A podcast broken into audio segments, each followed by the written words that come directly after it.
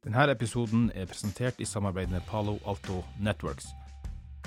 Palo Alto Networks er et amerikansk multinasjonalt cybersikkerhetsselskap med hovedkvarter i Santa Clara, California, men også veldig til stede i norske markeder. Deres kjerneprodukter er en plattform som inkluderer avanserte brannmurer og skybaserte tilbud som utvider brannmurene til å dekke andre sikkerhetsaspekter. Sjekk ut paloaltonetworks.com.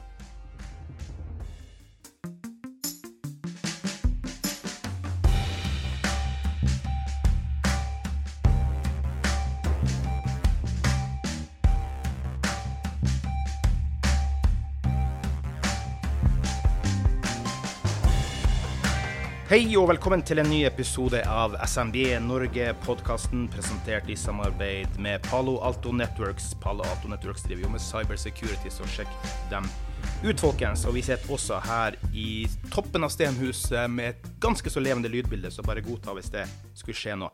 Og så må jeg advare våre skal vi si eh, ja, landsens lyttere. Dette blir et opptak på engelsk, så bær over med meg. Det er ganske lenge siden jeg har brukt engelsk aktivt. Men derfor har jeg med meg deg, Åsmund Prytz. Hallo, hallo. Ja, du er jo da Hello, min, hello. min uh, EU8. Helping me out, my crouch. Just in case. Men du gjør altså internasjonale prosjekter for oss, det kan vi si før vi går i gang. Ja, jeg litt om jobber, jobber med et par internasjonale prosjekter for uh, SMB Norge. Mm. Vi har et prosjekt som uh, hjelper flyktninger i, fra Ukraina i Tsjekkia med å starte egen bedrift i Tsjekkia eller Norge eller mm. andre steder i Europa. Og et energiprosjekt i Romania som skal starte nå, eller starta nå nylig. Ja. Og da skal jeg prøve å gå over på eh, norvengelsk. Og ta uh, the description from a debate. I'm not sure if it has been already or it's going to be, but it's um, from the party of Venstre, Liberal Party Venstre. What does it mean to be a liberal? Member of the European Parliament and Vice President of the Alliance of Liberals and Democrats for Europe Party, Svenja Hahn, meet the mayoral candidate in Kristiansand, Jacob Haugmoen Hannegard, and the candidate for county mayor of Agder, Beate Marie Johnson, on stage. They will discuss what it means to be a liberal across different political levels. Further, they will elaborate on how the European level can benefit regional and local politicians. So, uh, Svenja Hahn, welcome to the podcast. Hi, thank you so much for having me. Yes, you're very happy. Even Norwegian would be preferred, but we will do our best. Jag pratar lite svenska, men jag tror um, jag kan prata bättre om uh, mitt jobb i EU på engelska, men um, jag kan försöka lite. Nej, det, det är helt okej, Svenja. Det är Okej, helt tack. okej. Let's start there. Why do you speak a bit Swedish? Uh, that was actually my Corona project. So Ah. when everything shut down, um, uh, everyone had suddenly time at their hands. Uh, you know, back in the days when we thought, okay, this is going to be like four weeks uh, at home. Yeah. So I started learning Swedish as a Corona project. And why Swedish? Why not Norwegian? Um, that's a good question. Actually, my head of office in the European Parliament, she is a Swedish-speaking Finn, and Ah. uh, she uh, was learning German, and I thought I learned Swedish, and then we were like a language tandem. Okay, cool. I am actually Finnish. My mother is Finnish, and I used to speak Finnish, but it's such a bizarre, strange language that it's long gone 30 years ago. Yeah, I mean, I, I rather learn Swedish than learning Finnish, to be honest, because uh, as a German speaker, uh, Swedish is a bit closer to home there. Yeah. Yeah. But then again, um, for the unknowing audience, we are a, uh local, uh, medium, uh, small-sized business uh, organization. Svenja Hahn, who is Svenja Hahn? Tell us a little bit about your background and your life travel up to now, or whatever. Yeah, happy to what do that. you want to share? Yeah. So I'm a member of the European Parliament from Germany. Um, I'm working in the committees for single market and international trade. So I work with a lot with a lot of SMEs and, and European and international trade. And I have also focused on digitalization. So I'm working a lot with the legislation on artificial intelligence Yeah. um, at the moment. And uh, my background is coming from from business side. I worked in SMEs myself. Ah. I was head of communication in a German SME uh, before I joined the parliament. And I have been originally coming from youth politics. I've been active uh, on European youth politics level for quite some years, being the president of the European Young Liberals before Yeah. entering the parliament. Yes. And how come is that politics became your path to tread on? How how what started your uh, initiative to to be there? I think uh, I joined politics like many people because I was mad with the status quo. Okay. Uh, I wanted to change things when I started studying in 2009. I was very, very keen on studying history, but I couldn't because there was a big strike of students and they were blocking the university buildings, Yeah. which kind of upset me because it was like, you're not making education better by keeping people away from one. No. Um, so I thought, well, but who are you to complain? I mean, they're at least doing something. Do something, yeah. Hmm. So you should do something and make the world a better place. Yes. And that's when I joined uh, the Liberal Party of Germany, uh, ran for the student council, and very soon got hooked up on EU topics and uh, became active in the European-wide Young Liberal organization. Oh, cool. In my background, I've worked, uh, amongst others, 13 years for FedEx, and I Ah, met a lot of people from Germany. And I remember there were so many things they couldn't do in Germany because there were stricter rules in Germany. Yeah, um, we have a lot of bureaucracy in Germany, Mm. a lot of red tape, and we're very far behind when it comes to digitalization Mm. on efficient processes. And this is something we're working currently on. My party, the FDP, is currently in government, and uh, this is something that we have a strong focus on making it easier, uh, less rules, less bureaucracy in Germany.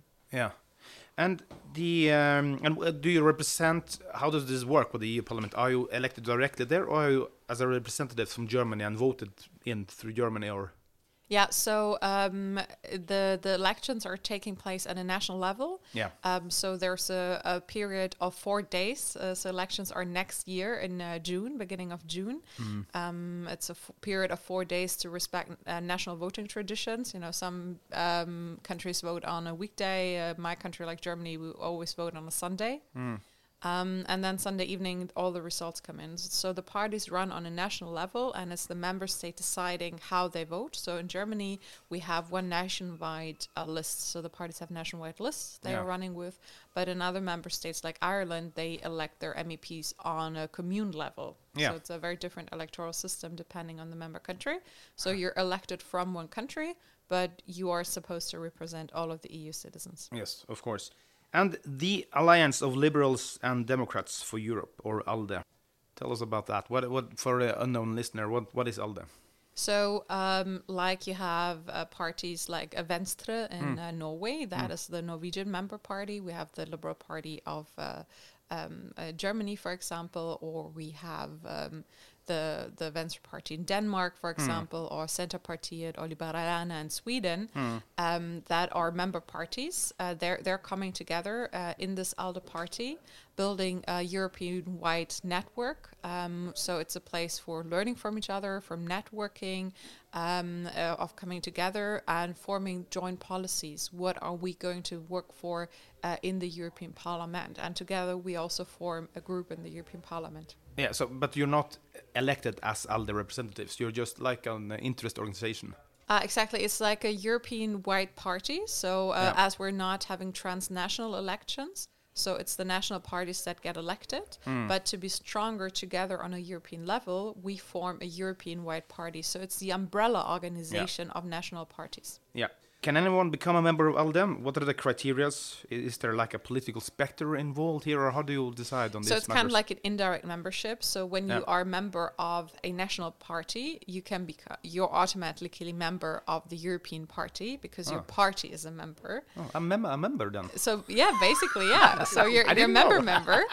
Um, so uh, you could uh, if, if you're a member of a Venstre, for example, but this also goes for other political parties. They all have European uh, umbrella parties. Yes. Um, so you can attend those events, and um, it is meant to, you know, learn from each other, network. Uh, you know, has someone else done a great campaign that we could use Yeah. uh, in in our national campaigns, for example, and of also forming a joint political position on the European level that the the liberal parties are together then voicing into the European Parliament or towards the Council, where all the member states are coming together. Because we also have quite a few head of governments, for example, Kaja Kallas from Estonia, Yeah. uh, Mark Rutte from the Netherlands.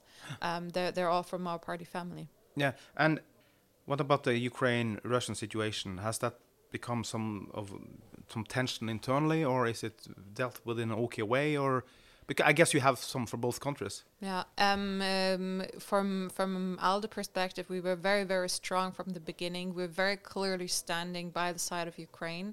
Actually, the the party of the President Zelensky is a member party of ALDE, so Okay. so they're our sister party.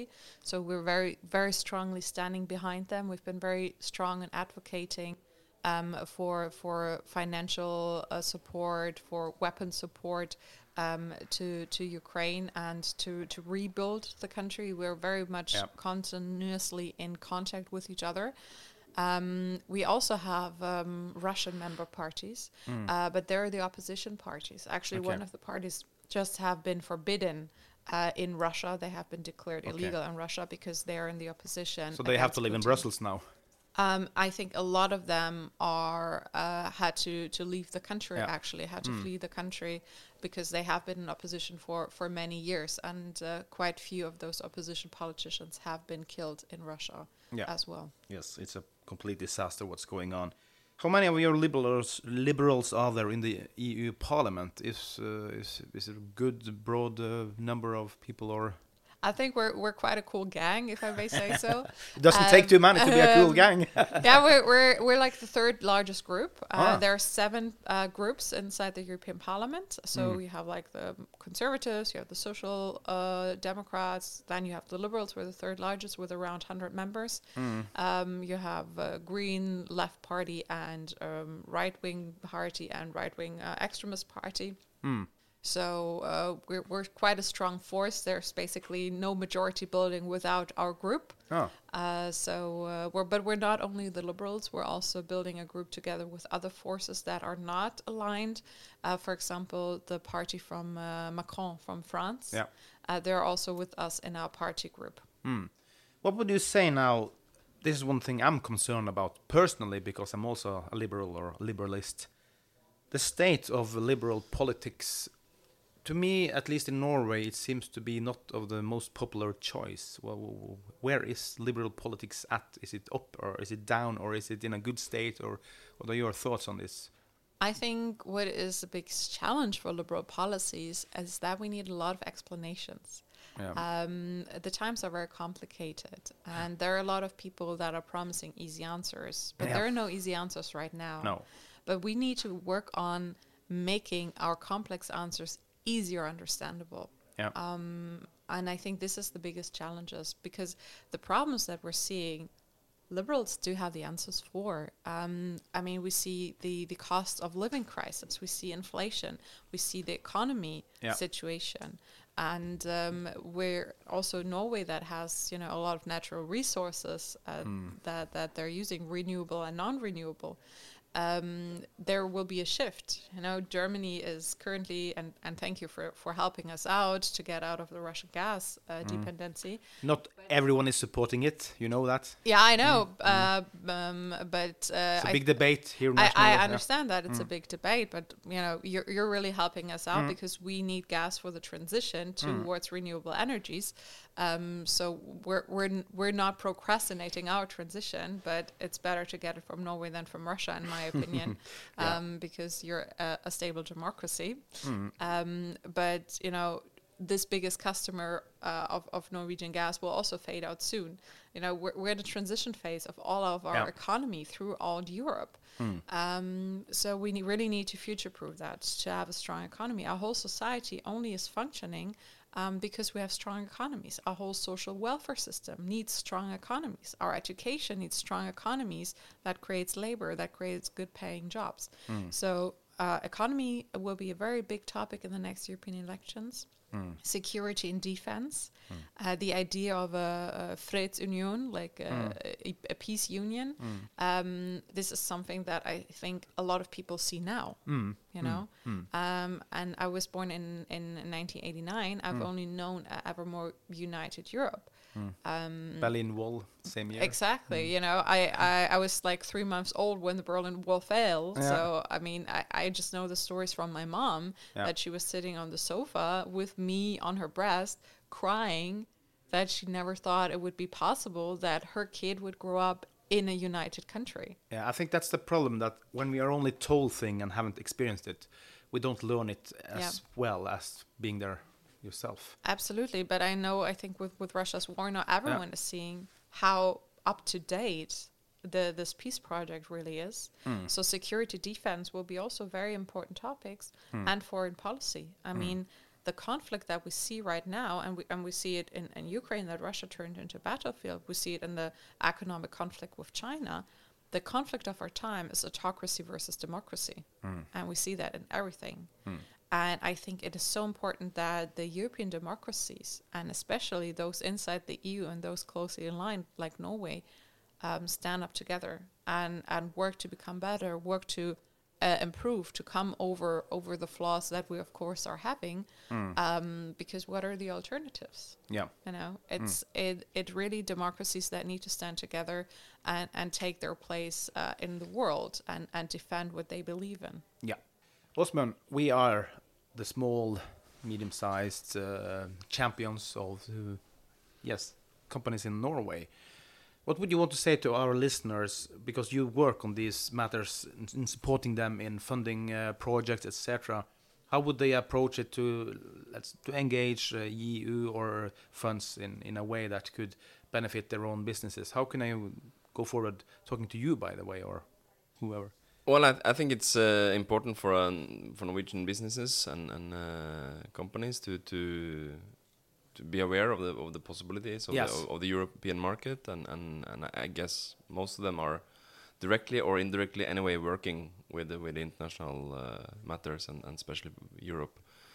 And of course also Germany, which Germany is a huge uh, market for Norwegian products and, and, and services and, and tourism and Yeah. a lot of our members are, are dealing with this these markets on a on a daily daily basis. And I think it's important for them to to be you know try to, to, to keep up with, with all the, the political developments and, and changes and regulations and rules that you we like to think that Norway is not a member, but all the rules regulations are affecting us uh, Yeah. in positive or negative ways, and it's and it's important to, to be to be aware of that and also to maneuver in that in that uh, in that ocean of, of, of the threats and opportunities Yes. as, as a as a as a business. Yeah. And if you have an, uh, a clever idea, could this be something for the union? Talk to Åsmund. Well, yeah, or yeah, try to find a, have an Yeah. idea, and and uh, SME Norway, of course, is happy to help out if, if Yeah. you have some questions related to either regulations and on or, or or things happening on, on, on that in that framework, but also on funding opportunities. The EU is huge on, on different funding opportunities, and that's also super interesting for a lot of. And especially uh, towards Company. the old and Eastern Bloc countries, there's a lot of. Uh, that's that's Yeah. that's some special Mm. funding from from Norway, Mm. like in bilateral funding with the with the with like Czechia or Romania, Bulgaria, these kind of countries. There's Mm. there's some special funding, which is also super interesting. But it, and that maybe that's funding is easier to get, but it also can be uh, be like a starting point for for bigger projects, also involving uh, Yeah. other EU countries. Mm. Svenja, what are the political issues you are most concerned about in your day-to-day life within the EU system? Well, what is on your main? Well, for me, a, a big priority I'm working on currently is AI regulation. Yeah. Um, about how we as a society can use the opportunities through AI, but also close the door to the negative opportunities, like we see in China, like mass surveillance through AI, for example. Yeah. Uh, how can we safeguard citizens' rights, but also ensure that European companies are on the forefront of developing uh, new technologies? Um, because we're, we're seeing the biggest revolution coming since the Industrial Revolution through AI. It's going to change our societies, our economic systems. Yeah. So, how can we have a good set of rules that ensure citizens' rights but creates good opportunities? Are you an optimist or are you concerned about the development? I'm an optimist, Yeah. um, but I absolutely do believe that we need safeguards because Yeah. we already see how this technology can be used. We see it in Iran, where the regime is uh, using biometric identification to identify women not being, you know, Yeah. wailed up. Uh, we see it in China, where they have a social scoring model where they rate citizens uh, based on their behavior, uh, where where you cannot do a step without being uh, followed by cameras. yes, or it Um, changes something for your family because you did something. Yes. Exactly. So uh, this is uh, a use of technology that should not have a place in liberal democracies. Mm. Um, and you know, coming from uh, from uh, a country where we had uh, uh, uh, regimes, uh, non-democratic regimes, um, we should always, you know, make our rules for the worst case. Yeah, Um, yeah, yeah. Because there will always be someone taking advantage of that. I, we spoke with our main um, partner here, Palo Alto Networks, yesterday because we had this digital security, uh, small, medium-sized businesses, uh, a risk, and um we spoke about this in the podcast yesterday. You know, we have deepfakes now that are Yeah. really good. What about when you come to the point that someone with an ill intent uh, changes your results because they want you to reduce your value on the stock market so they can buy you, you know, more advanced, uh, kind of deep fakes in a different manner, AI stuff, Yeah, scary this- stuff. Uh, that is a, that is a good example. I mean, we're talking about a time where uh, specific CEOs can have like rock star kind of fame, Mm. um, where uh, uh, you know a, a tweet or I don't know how you call it now an X um, Yeah. um, can can shake up uh, the stock market. Yep. Um, so those I have been very unprecedented times. So those are things that we we absolutely need to talk about um, uh, as society, as lawmakers. Um, do the laws that we have are up to date? And I'm fairly certain that we will have to update most of the laws in the next years for Yeah. the changes of AI. Yeah. Bureaucracy. We are very concerned about bureaucracy. It's a Norwegian thing. We love too much bureaucracy. Well, uh, being a German, I understand the importance of cutting red tape. I can tell you that. But what are the Alliance of Liberals and Democrats for Europe Party, or ALDE? What what are your main um, uh, themes to try to reduce bureaucracy or stress for small and medium-sized businesses in Europe? Actually, um, we're we're advocating for uh, uh, SME uh, check, kind of that no law should be passed without having a check how it would affect, Affect SMEs. consequences, yes. yes. Um, because what we're seeing right now, formally, the the European Commission um, is supposed to make an impact assessment of each law that they're proposing. Hmm. Uh, in the past, we have seen they have cut out the step because they said there's no time for that and it's a political priority. So we're kind of like, you know, sometimes walking blindly because we do not know what would the actual impact will be. Is it possible to apply those rules? What would be the cost of applying those Yeah. rules? Um, is is there a proper balance between the hope for effects and the costs and, and bureaucracy it puts on? Especially SMEs. So I think we, we will have to insist on this impact assessment and have special impact assessment for SMEs. Is is this doable? I told you I was working in an SME and we uh, German standard SME, so we had like 700 employees. Bigger than us. Um, so I think in, for Norwegian standards, it's already a big, bigger company. But um, we had to just to it was a pen producing company Yeah. just to to adhere to one EU law, um, which was was requiring to change all the labelings. Um, they had to um, uh, hire two people to Yeah. comply with one law you know and and there's a lot of laws coming so this is always my personal bureaucracy reminder Yeah. uh, or my sme reminder uh, that we need to ha- mm, we're, we're often debating you know ab- about big companies big uh, often non-eu companies uh, but that we're also always targeting smes with with this kind of rules and uh, what I think is very important, so the Com- Commission under Ursula von der Leyen, they said they're going to do one in, one out, one new Yeah. law um, uh, coming in, one going out. yeah. I checked what they did in the last year. Do you want to take a guess, a wild guess, how many laws went 100 out? in, zero out. I actually don't know how much in, but it was like uh, one out.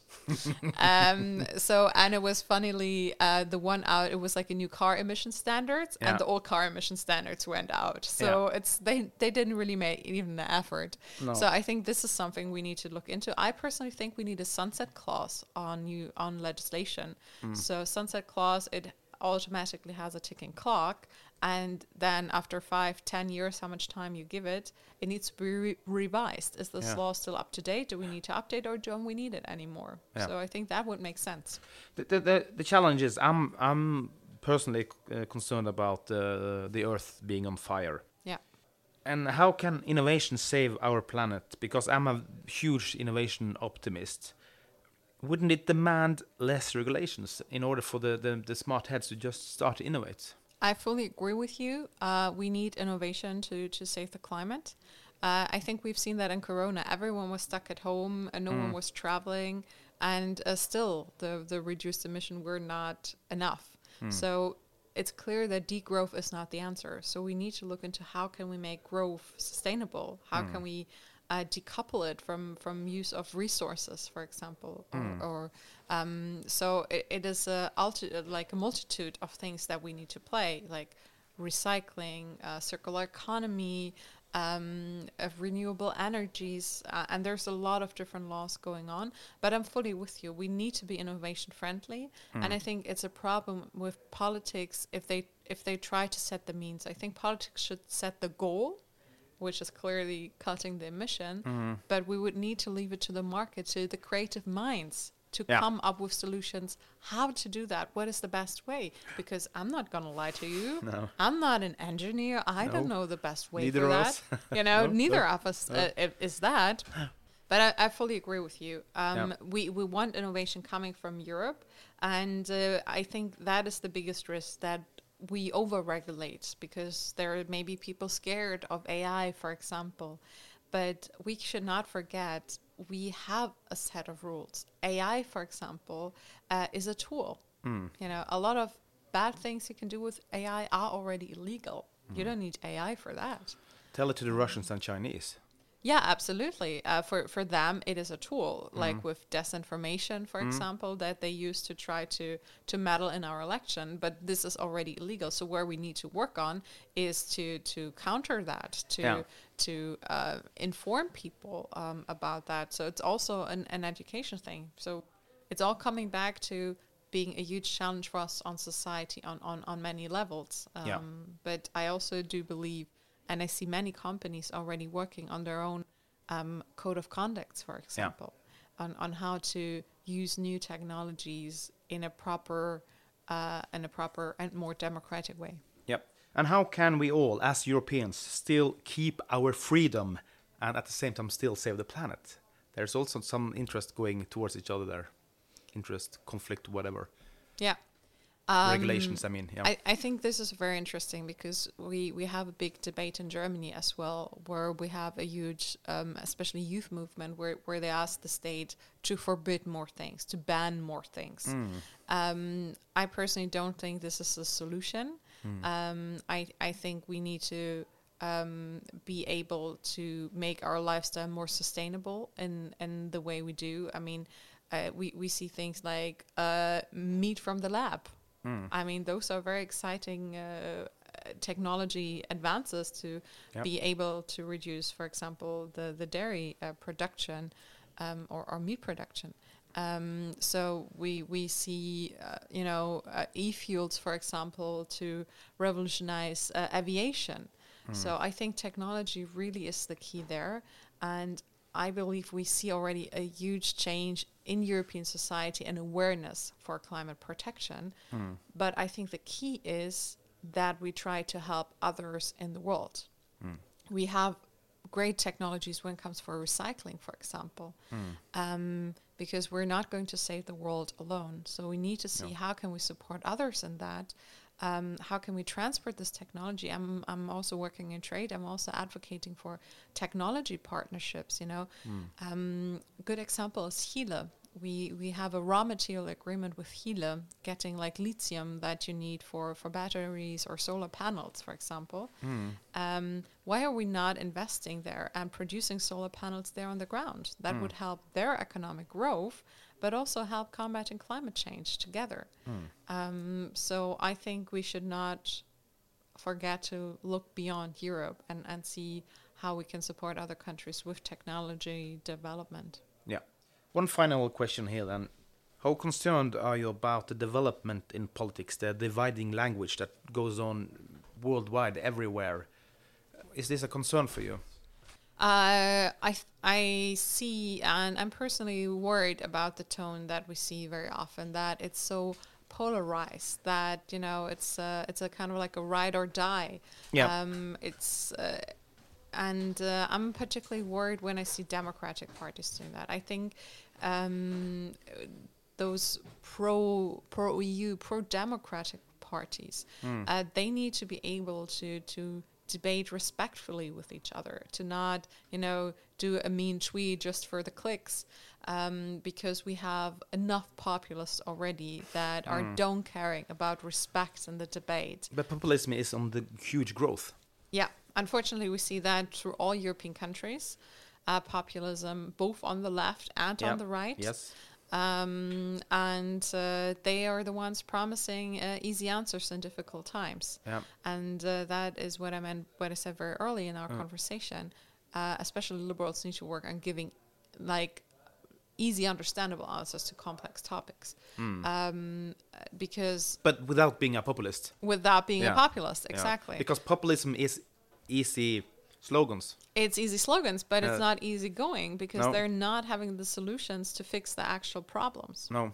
Um, and we see that in, in countries where there are in, in, in parliament now. I mean, we'll, we look uh, to, towards Italy, where it's a it's a right wing party uh, in, in government now. Yes. And uh, I mean, the things that they're doing is, you know, uh, gay mothers uh, can no longer be two mothers. So uh, one mother is crossed off of the birth Returning certificate development.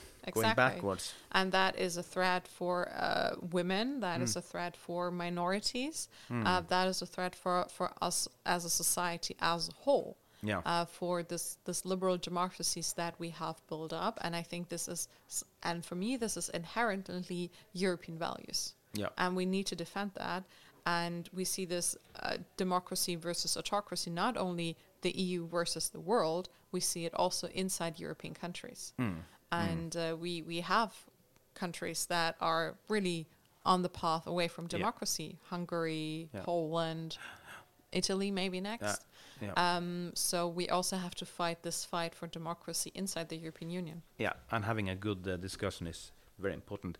Arendalsuka is very busy, and Åsmund had to run. What are your thoughts about Arendalsuka? You've been here all week, or Uh, I came here on Tuesday Yeah. and I love it. Yeah. Um, it's it's first time I'm at a, such a political festival. I Yeah. love the vibe. I love meeting the people. Everyone is so open. Yeah. Uh, learning so much for me. It's also really cool as a EU politician to come to other European countries uh, to to learn and to talk because we're so closely intertwined. Yeah. Uh, to to get a better understanding of Norway, and it's my first time in Norway, and I'm absolutely in love with the country, and I love Arendalsuka. yeah, it's very good. What are your thoughts about Norway going into the Union? It's not a popular uh, vote here for that in Norway at the moment.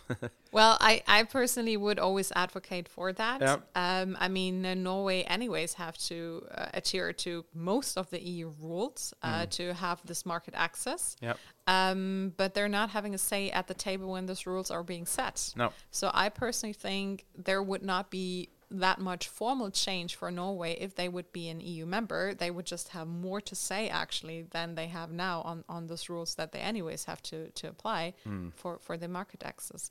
but also more to pay, and I, I think Also that is more to yeah, pay, that that is the reason why it's is not a yes here. I think. Yeah, yeah. Um, so uh, I, I think you know you can you can do a math on that. Yeah. Uh, I, I'm not sure how that will look like, uh, but it's also a bit about the position in the world. Um, Yeah. Because uh, we see that autocratic countries are on the rise. We see that traditional allies are are you know changing, and uh, it is a bit about the role in the world. And uh, I think the European countries are better together and preferably inside the European Union yeah. um, uh, as a force together for, for democracy, for freedom, um, also looking towards foreign policy and defense and economic interest.